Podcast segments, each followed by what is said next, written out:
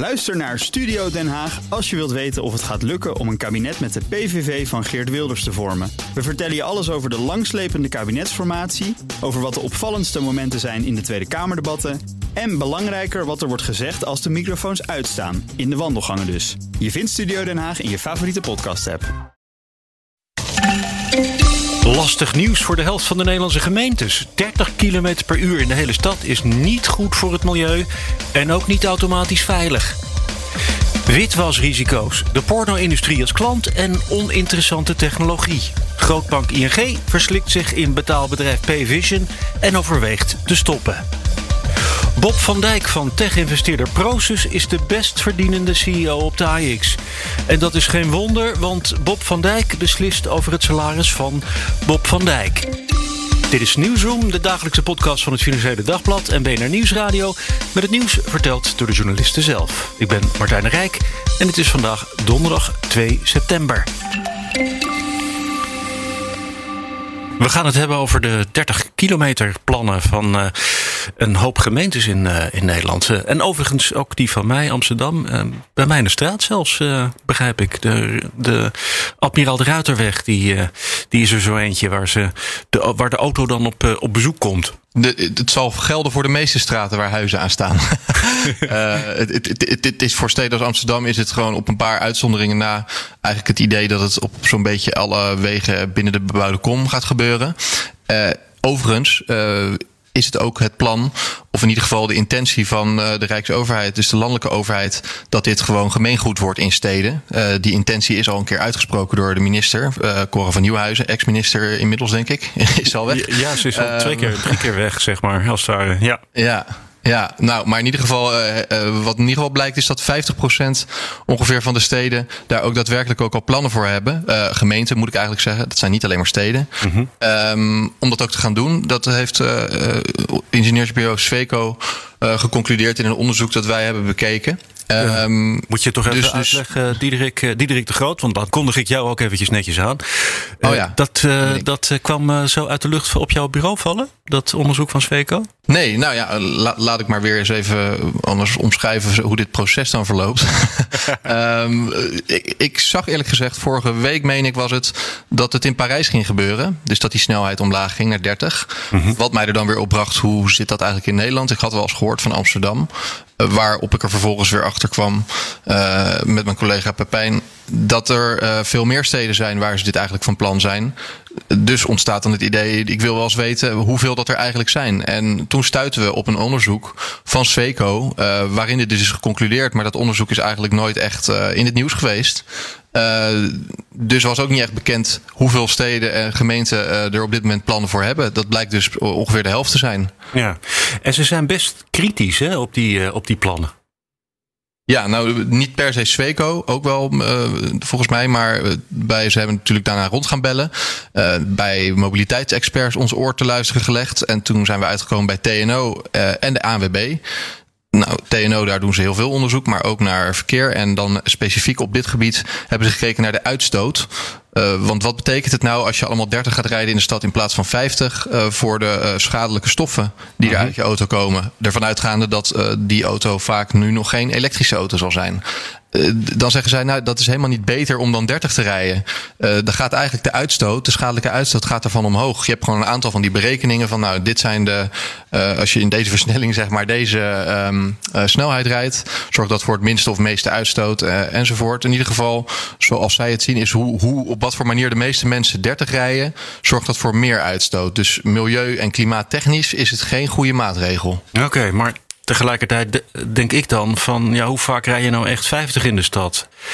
En zijn dat dan ook die, hè, als het dan eens een keertje wel kan, de Wieboudstraat hier bijvoorbeeld. Uh, ja, ik kan me niet voorstellen dat dat, dat een uh, 30 kilometer zone wordt.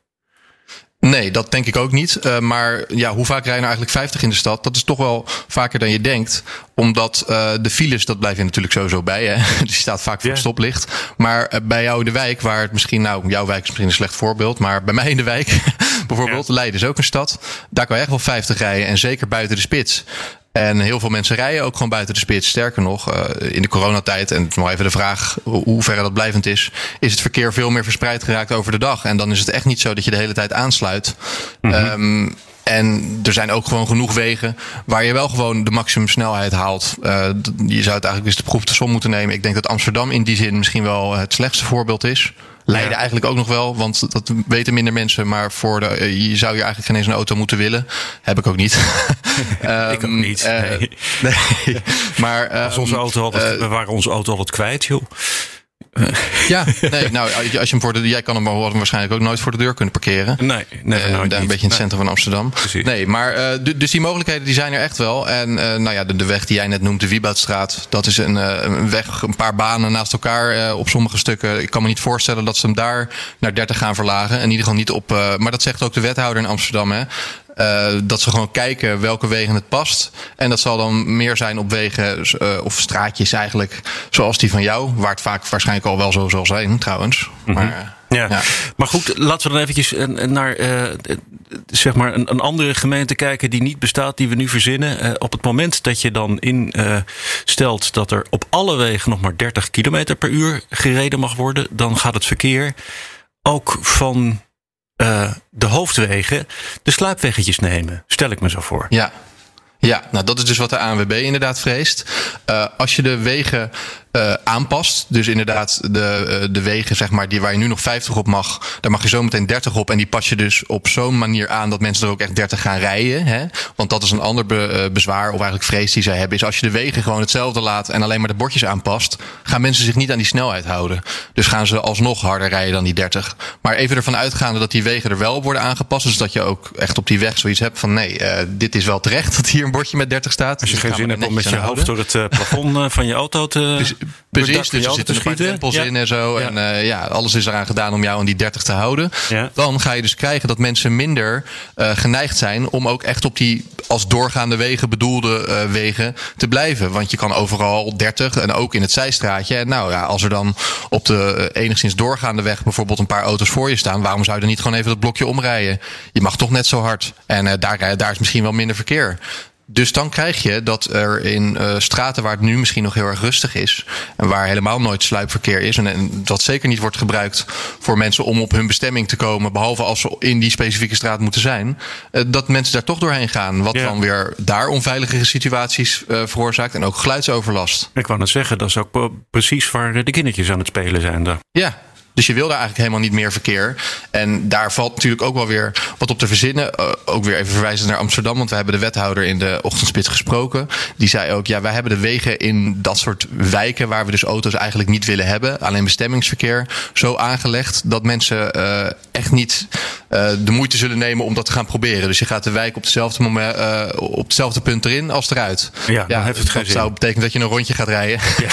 dus dan, dan heeft het inderdaad geen zin. Maar dat is natuurlijk uh, misschien dan in Amsterdam zo, uh, zegt in ieder geval de wethouder. Ik heb het niet in elke buurt gecontroleerd. Maar uh, dat zal wel bepaalde aanpassing voor veel steden ver, vereisen.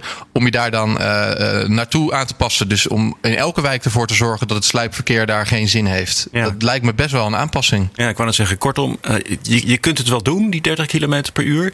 Maar dan moet je wel beseffen wat je allemaal nog aan extra maatregelen moet treffen. Het is niet een kwestie van even afkondigen en, en klaar is Kees. Nee, het, wat de ANWB dus inderdaad zegt, het is niet een kwestie van je zet een bordje neer met 30.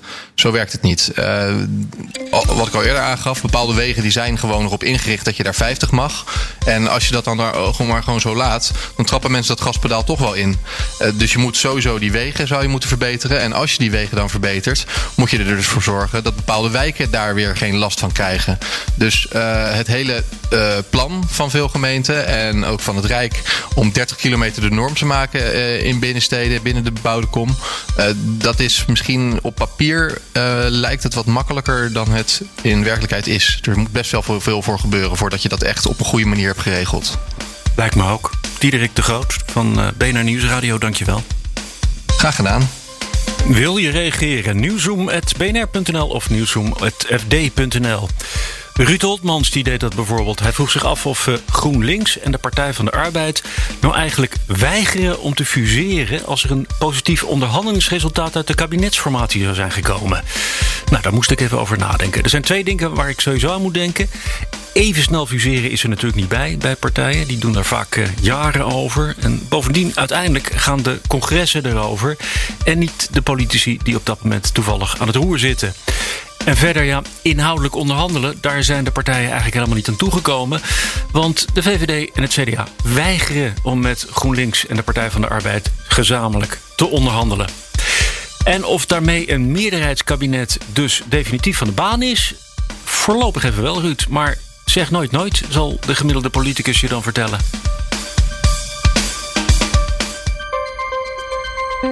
Dag Rutger Betlem, collega van het eh, Financiële Dagblad. Hoi. Hey, voordat wij het uh, over uh, P-Vision gaan hebben en het mogelijk afstoten daarvan. Um, je hebt er al vaker over geschreven. En, en, en, en dat er het nodige met het bedrijf van de hand is, dat, dat wisten we eigenlijk al, toch? Ja, dat klopt. Uh, we hebben natuurlijk uh, vorig jaar een groot uh, stuk gebracht waar het bleek dat die overname um, eigenlijk toen al een fiasco was. ING moest bijna 200 miljoen afschrijven. Uh, heeft bijna al zijn klanten eruit moeten zetten. Hè.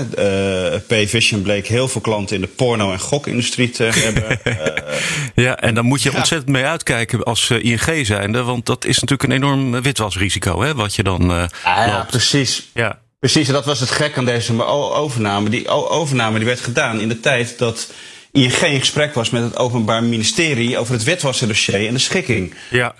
Um, he, dus aan de ene kant waren ze uh, uh, de, boel, uh, de boel aan ze maar opruimen. En aan de andere kant haalden ze weer een, hele bak, een hele bak ellende binnen. Ja, maar dat lijkt op dit moment toch een beetje aan het schuiven te zijn geraakt. Hè? Gegeven ook de kop van jouw stuk. ING grijpt in bij probleemdochter dochter, P-Vision. En ze overwegen er om ermee te stoppen? Ja, klopt. Ja. Ja, het, is een, het is een ontzettende moeilijke integratie geweest. Uh, zo moeilijk dat uh, Pvision nog altijd niet op kantoor van ING zit. He, die hebben nog een heel mooi pand ergens uh, in de buurt van de Amsterdamse grachten. Mm -hmm. Uh, de techniek die krijgen ze niet bij elkaar. De techniek is ook niet van P-Vision. Die wordt gewoon ingekocht. En daar hebben ze zelf een paar dingetjes op, op geprogrammeerd. Maar de basis is gewoon, die komt gewoon uit een, uit een doosje. Dus dat is ook al niet zo bijzonder. En uh, ja, je kan ontzettend lang door blijven gaan en door blijven modderen. Maar uh, als de klanten niet komen uh, en de klanten die er zijn weglopen of niet zeg maar tevreden zijn. Um, en als je dan zelf ook nog eens steeds... klanten de deur uit gaat uh, duwen, omdat ze Precies, in de porno-industrie zitten, ja. Precies, er zitten ook nog steeds een aantal hoofdpijndossiers in dat, in dat bedrijf, hoor ik. Ja, op een gegeven moment wordt het gewoon beter, denk ik, om, uh, om je verliezen te gaan nemen en iets anders te gaan doen. Weet je wat mij nou zo verbaasde? Ik heb uh, eventjes uh, gegoogeld naar Pvision. Inderdaad, ze zitten in Amsterdam. Ze hebben een beetje een beetje knullige website. Maar ze staan dus niet eens in Wikipedia. Ook niet in de Engelse versie. Nou, dat zou goed kunnen. Ja, dat zegt eigenlijk nooit naar. Ja, nou ja, kijk, weet je, ik wil dan eventjes weten van goh, hoeveel mensen zouden daar nou werken en zo. En uh, even een klein beetje een achtergrond. En ik vroeg me af, waar, waar, komen zij, waar kwamen ze oorspronkelijk vandaan? Ja, dan komen ze. Dat, dat, dat kun je op Wikipedia dan makkelijk vinden, maar dat, daar staan ze dus gewoon niet. Nee, maar je kan het wel heel makkelijk vinden in het, in het financiële dagblad. En daar staat het allemaal, uh, allemaal in. ja, daarom bel ik jou. en waar komen ze vandaan? Maar kijk, ja, uh, um, Payvision is gewoon uh, een betaalbedrijf wat ontstaan is in de hype rond betalen. het moment waarin banken nog niet door hadden dat de online wereld domin dominant zou gaan worden. Um, en als je start met een betaaldienstverlener dan ontkom je er niet aan om ook wat klanten te nemen die uh, wat minder makkelijk uh, te controleren zijn, omdat je daarvan groeit. Hè? De marges die zijn zeg maar hoog en daarmee van laat je de schoorsteen roken. Mm -hmm. Ook Adyen had in het, had in het begin heel veel, heel veel klanten in de game, uh, in de game-industrie. Ja. en ze hadden geloof ik ook wat gokklanten. Nou, dat doen ze allemaal niet meer, of bijna niet meer. gokken zeker niet. Um, en uh, P-Vision heeft zich gewoon een beetje ontwikkeld als een specialist op dat vlak. Uh, uh, en daar verdien je ontzettend veel geld mee. Uh, het nadeel is ook dat je enorme risico's in huis haalt. Hè? Bijvoorbeeld met porno. En je weet nooit of, of een wederprestatie geleverd is. Hè? Dus, dus je kan wel vertellen dat je zoveel, zoveel kliks hebt. Maar hebben die, hebben die mensen ook werkelijk, werkelijk zeg maar, betaald? Hè? Dus het is een heel makkelijk ding om geld ja. van de ene partij naar de andere partij te schuiven. Ja. En witte wassen dus. Ja, ja, ja, ja. ja. Ja, je, je doet alsof je een filmpje gekeken hebt en je maakt iedere keer een, een bedrag over. En ja, op die manier uh, lijkt het net alsof het allemaal legaal is. Ja. En met gok hetzelfde, hè? Ik bedoel, ja, van heb je zeg maar gewonnen of niet? Ja, ik weet het niet. Ja. Maar je maakt wel geld over echt naar, naar elkaar. Ja. En, en, dat zijn, en dat zijn ontzettend lastige businesses dit. Dus je ziet ook dat uh, de grote betaalhuizen, de Stripes, Agents, uh, et cetera, uh, deze sector gewoon niet aan willen, aan willen raken. Ja, nou ja, en, en ING is dus ook zwaar aan het twijfelen geraakt. Ja, ik denk dat, kijk, wat wij horen, en ING vertelt ons natuurlijk dat ze enorm goed onderzoek gedaan hebben en dat ze dit wisten. Um, wat wij horen, um, zowel uit de bank als, als uit de fintech sector, um, uh, is dat ze zich kapot geschrokken zijn toen de boeken open, gingen. Uh, dat ze erachter kwamen, naast al die vervelende klanten, dat er ook geen enkele ING-klant in het boek stond. Ja, dan heb je toch wel iets, toch wel iets vreemds gekocht. Ja, want dat was wel een van de ideeën, hè? dat ze juist meer inzicht in de data van hun eigen klanten zouden krijgen. Ja, klopt. Ja, klopt. Uh, kijk, uh, die inzicht uh, in, in de klanten die zijn ze enorm verloren met de afgelopen jaren. Hè, de transacties die lopen niet, niet, niet meer via ING, die lopen via Adyen en anderen. dus dat hele inzicht in de transactiestromen, dat zijn ze kwijt en dat wilden ze terug. Nou hebben ze McKinsey aan het werk gezet, hè? Ja, en die doen, die doen onderzoek naar wat moeten ze nou eigenlijk ja, met die betaalsector. En uh, wat ik hoor, wat de conclusie is, is dat uh, ING dat absoluut door, door moet zetten. Maar dat uh, McKinsey wel gezegd heeft. een Payvision is eigenlijk niet de partijen waarmee je dit zou moeten doen. van laten op zoek gaan naar een partner waarmee we niet deze ellende in, echt, echt in huis halen maar wel de juiste techniek en, en betrouwbaarheid. Begin maar gewoon even opnieuw. Eh, zo klinkt dat in ieder geval. Bijna wel, ja. Kijk, en ze moeten ook wat. Hè. Kijk, je kan niet zeggen. Uh, het is niet zo dat er geen klanten in Payvision zitten. Dus je kan niet zomaar zeggen: uh, we stoppen. We stoppen ermee. en dus je zal daar een nieuwe plek voor moeten vinden. En nou ja, dat is niet bij Payvision, maar dat kan wel bij een andere, andere partij zijn. Dat hebben ze trouwens al wel eens een keer geprobeerd. Hè. Ze hebben in het verleden wel, uh, ik geloof een jaar of twee, gewerkt aan de oplossing. Uh, dat deden ze samen met, samen met toen Adyen. Um, en daar is toen wat ruzie ontstaan in dat, in dat project. En dat, daar hebben ze toen de stekker uit getrokken. Adyen trouwens, die, die was het een beetje beu. Maar ja, je moet wel een, aan een dergelijke partnership denken. Nou heb je dit, uh, nou ja, die, die, die twijfel bij uh, ING, die heb je een beetje boven water gekregen. Uh, maar, maar wat zegt ING zelf eigenlijk? Ik bedoel, ik neem aan dat je die ook om een reactie gevraagd hebt. Zeker. Nou ja, officieel reageert, ING niet op, op, speculaties in de markt, zoals ze dat noemen. maar ING die geeft wel toe van dat ze aan het kijken zijn naar de bedrijfsvoering, waarmee ze eigenlijk uh, een beetje zeggen van nou ja, uh, uh, er gaat zeker, zeker wel wat um, gebeuren bij dit, um, bij dit bedrijf. Ja, ik lees ook, naar verwachting komt de bank op korte termijn met een statement over de toekomst van, betaal, van de betaaldienstverlener. Mm -hmm. Ja, ja dat, althans, dat is wat mijn bronnen zeggen. We moeten nog even zien of dat, of dat ook werkelijk zo is. Oké, ja, dat wordt natuurlijk spannend, ja. Zit je nu twijfelen te zaaien over mijn verhaal? Ik zou dat laatste stuk er maar uitknippen, Martijn. nee hoor. ik gun iedereen zijn zie je wel moment, uh, toch? Ja, nou ja, ik kan je uh, uh, vertellen. Ik heb wel wat mensen gesproken rond het bedrijf. En ik heb inmiddels wel de bevestiging dat hier uh, weinig niet aan klopt aan dit stuk. Oké, weinig niet. Oké, nou dat is zeg maar, het klopt nou ja, alles, alles wel. Goed zo, Rutger Bedlem van het Financiële Dagblad. Dankjewel. Alsjeblieft. Laat ik je eerst maar eventjes uh, welkom heten. Jeroen Piersma, hoi. Van het Financiële Dagblad. Hoi. Hallo Martijn. um, nou, nou wisten we eigenlijk al dat uh, Bob van Dijk, dat is de CEO van uh, Prosus, dat hij de best verdienende CEO van de Amsterdamse AEX was. Dat hadden we al een beetje gehoord. Maar nou wordt ook duidelijk dat daar best wel wat gedoe achter de schermen over is. Hè?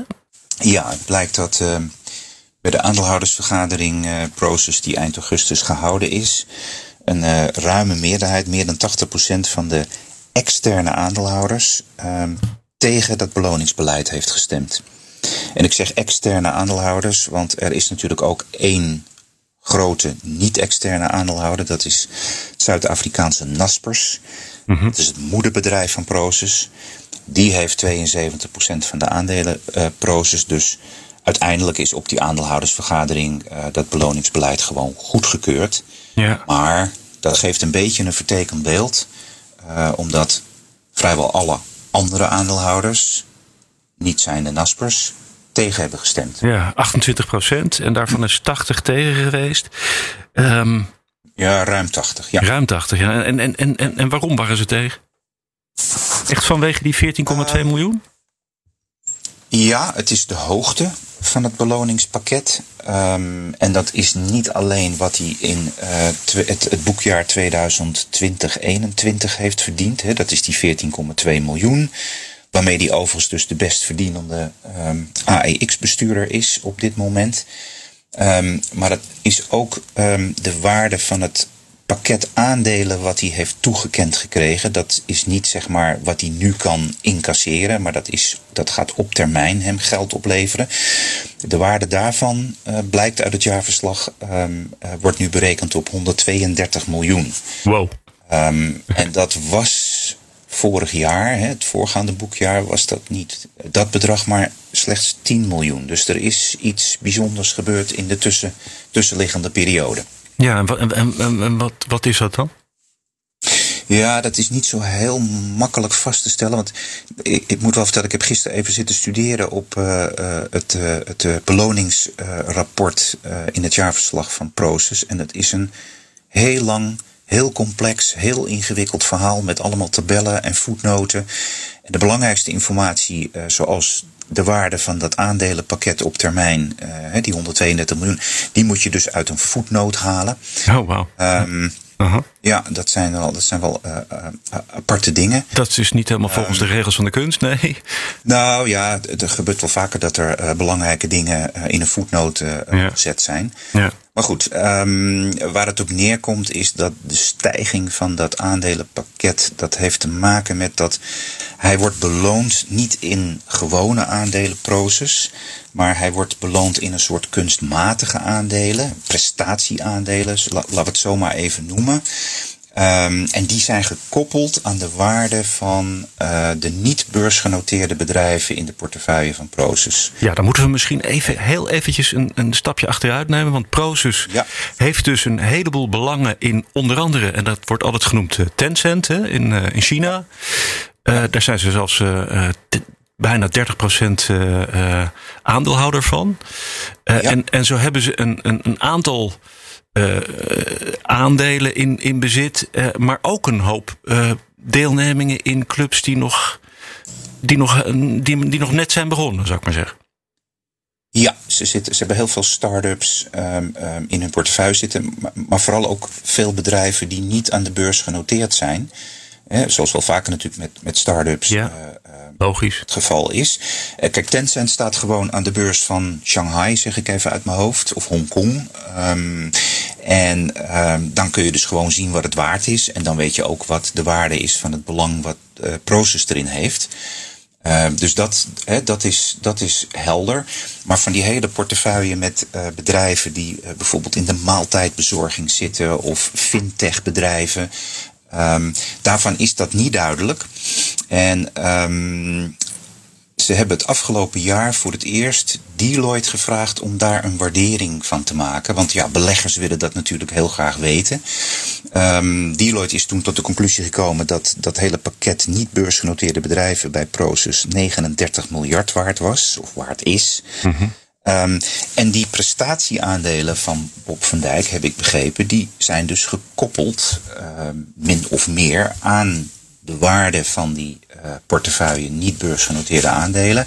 Ja, en omdat daar nu een prijs ligt die waarschijnlijk veel hoger is dan uh, wat er eerst voor stond, uh, is ook dat, dat, dat aandelenpakket van Bob van Dijk enorm in waarde gestegen. Ja.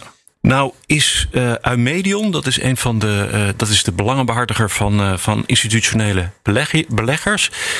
die zitten dan in, in Proces. die is een van de criticasters, hè, begrijp ik.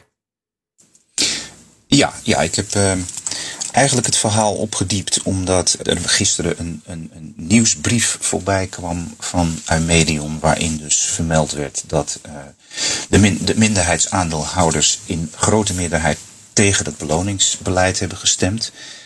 Um, ja, en ik heb gisteren even met hem daarover gepraat. En nou ja, hij legt dus inderdaad uit dat uh, ze zowel bezwaar hebben tegen de hoogte als tegen de systematiek van, het, van de beloning bij, uh, bij uh, Proces. Nou, die, die, systematiek heb ik net al een klein beetje uitgelegd. Hè? Ja. Daar hebben ze bezwaar tegen. En uh, alleen, ja, uh, we weten dat, dat dat bezwaar dus helemaal niets gaat opleveren. Nee. Um, ja, dan kom je eigenlijk op het andere interessante punt bij Proces. Um, dat is een bedrijf met een uh, bijzondere governance. Hè, dus in de eerste plaats uh, het feit dat er een hele, heel groot moederbedrijf is. Of laat ik zeggen, een moederbedrijf is met een heel groot belang, 72 procent. Waardoor ja, de minderheidsaandeelhouders eigenlijk niets in te brengen hebben. Um, maar er zijn nog wel een paar andere dingen. Hè. Normaal is het zo dat uh, Nederlandse, bedrijf, Nederlandse beursgenoteerde bedrijven uh, zich houden aan de regel dat um, het beloningsbeleid met minimaal 75% van uh, de aandelen van de aandeelhouders um, goedgekeurd moet worden. Als het eronder zit, is het, wordt het als afgekeurd beschouwd. Nou, dat heeft uh, Proces niet. Proces die legt de grens veel lager, namelijk bij 50%. Ja. Ze destijds bij de beursgang in 2019 hebben ze dat uh, vast laten leggen. Dus daar wijken ze ook al af. Ja, en wat er verder nog speelt, uh, dat vond ik ook wel een interessant punt. Uh, dat is dat het bestuur van Proces is identiek aan het bestuur van Naspers. Daar zitten exact dezelfde mensen in. Dus, dus ook, betekent... ook Bob, Bob van Dijk zit daarin? Ja, zo is het. Um, en dat betekent dus dat die, um, die, die, die bestuurders bij Naspers als aandeelhouder eigenlijk stemmen over hun eigen beloningspakket. Nou, dat zijn dingen die natuurlijk niet helemaal, um, hoe zeg je dat, volgens de regels van, um, van de kunst. Goede, goede governance ja. beschouwen uh, uh, is. Ja. ja. Wauw, dus inderdaad, echt, hij bepaalt zijn eigen beloning en, nou ja, hij kan doen wat hij wil eigenlijk. Um, ja, hij kan inderdaad. Uh, nou ja, hij, het is natuurlijk een groep bestuurders. Hè? Mm-hmm. Maar wat in die groep bestuurders bij Proces ontbreekt, is een bestuurder die onafhankelijk is. Die niet zeg maar uh, gebonden is aan moederbedrijf Naspers. Of daar een rol speelt. En die dus met de frisse blik van buiten ernaar kan kijken. Die is er niet. Hè? En, en de grootaandeelhouder Naspers. Ja, het bestuur daarvan uh, beoordeelt zijn eigen beloningspakket bij Proces. Ja. Dat zijn wel merkwaardige uh, dingen. Waarvan het goed is dat we, uh, nou ja, als zo'n conflict speelt over het beloningsbeleid, dat we ook dat weer eventjes scherp in het vizier hebben. Ja, uh, die kleinere aandeelhouders, hebben die nou helemaal geen poot om op te staan? Nee, niet heel veel. Um, kijk, het is wel zo dat um, het is niet prettig als iedere keer een flinke, flink deel van de aandeelhouders anders dan de grote aandeelhouder tegenstemt. Dus uh, de voorzitter van de beloningscommissie bij Proces heeft, begrijp ik, bij de laatste aandeelhoudersvergadering gezegd dat hij wel in gesprek gaat met de aandeelhouders die tegengestemd hebben. Maar goed, ik, ik sprak daar gisteren ook met Niets Abma van de Medion over. En, nou die zei van ik ga dat gesprek natuurlijk met open vizier in. Maar zijn verwachtingen dat het echt fundamenteel aangepast gaat worden, waren niet hoog gespannen. Dat maakte niet wel duidelijk. Oké, dus het gaat helemaal niks worden. Nou ja, ze liggen nu in ieder geval onder het, uh, het uh, vergrootglas. Uh, Jeroen Piersma van het Financiële Dagblad. waarvoor dank. Dat was Nieuwszoom voor vandaag. Heel graag tot morgen.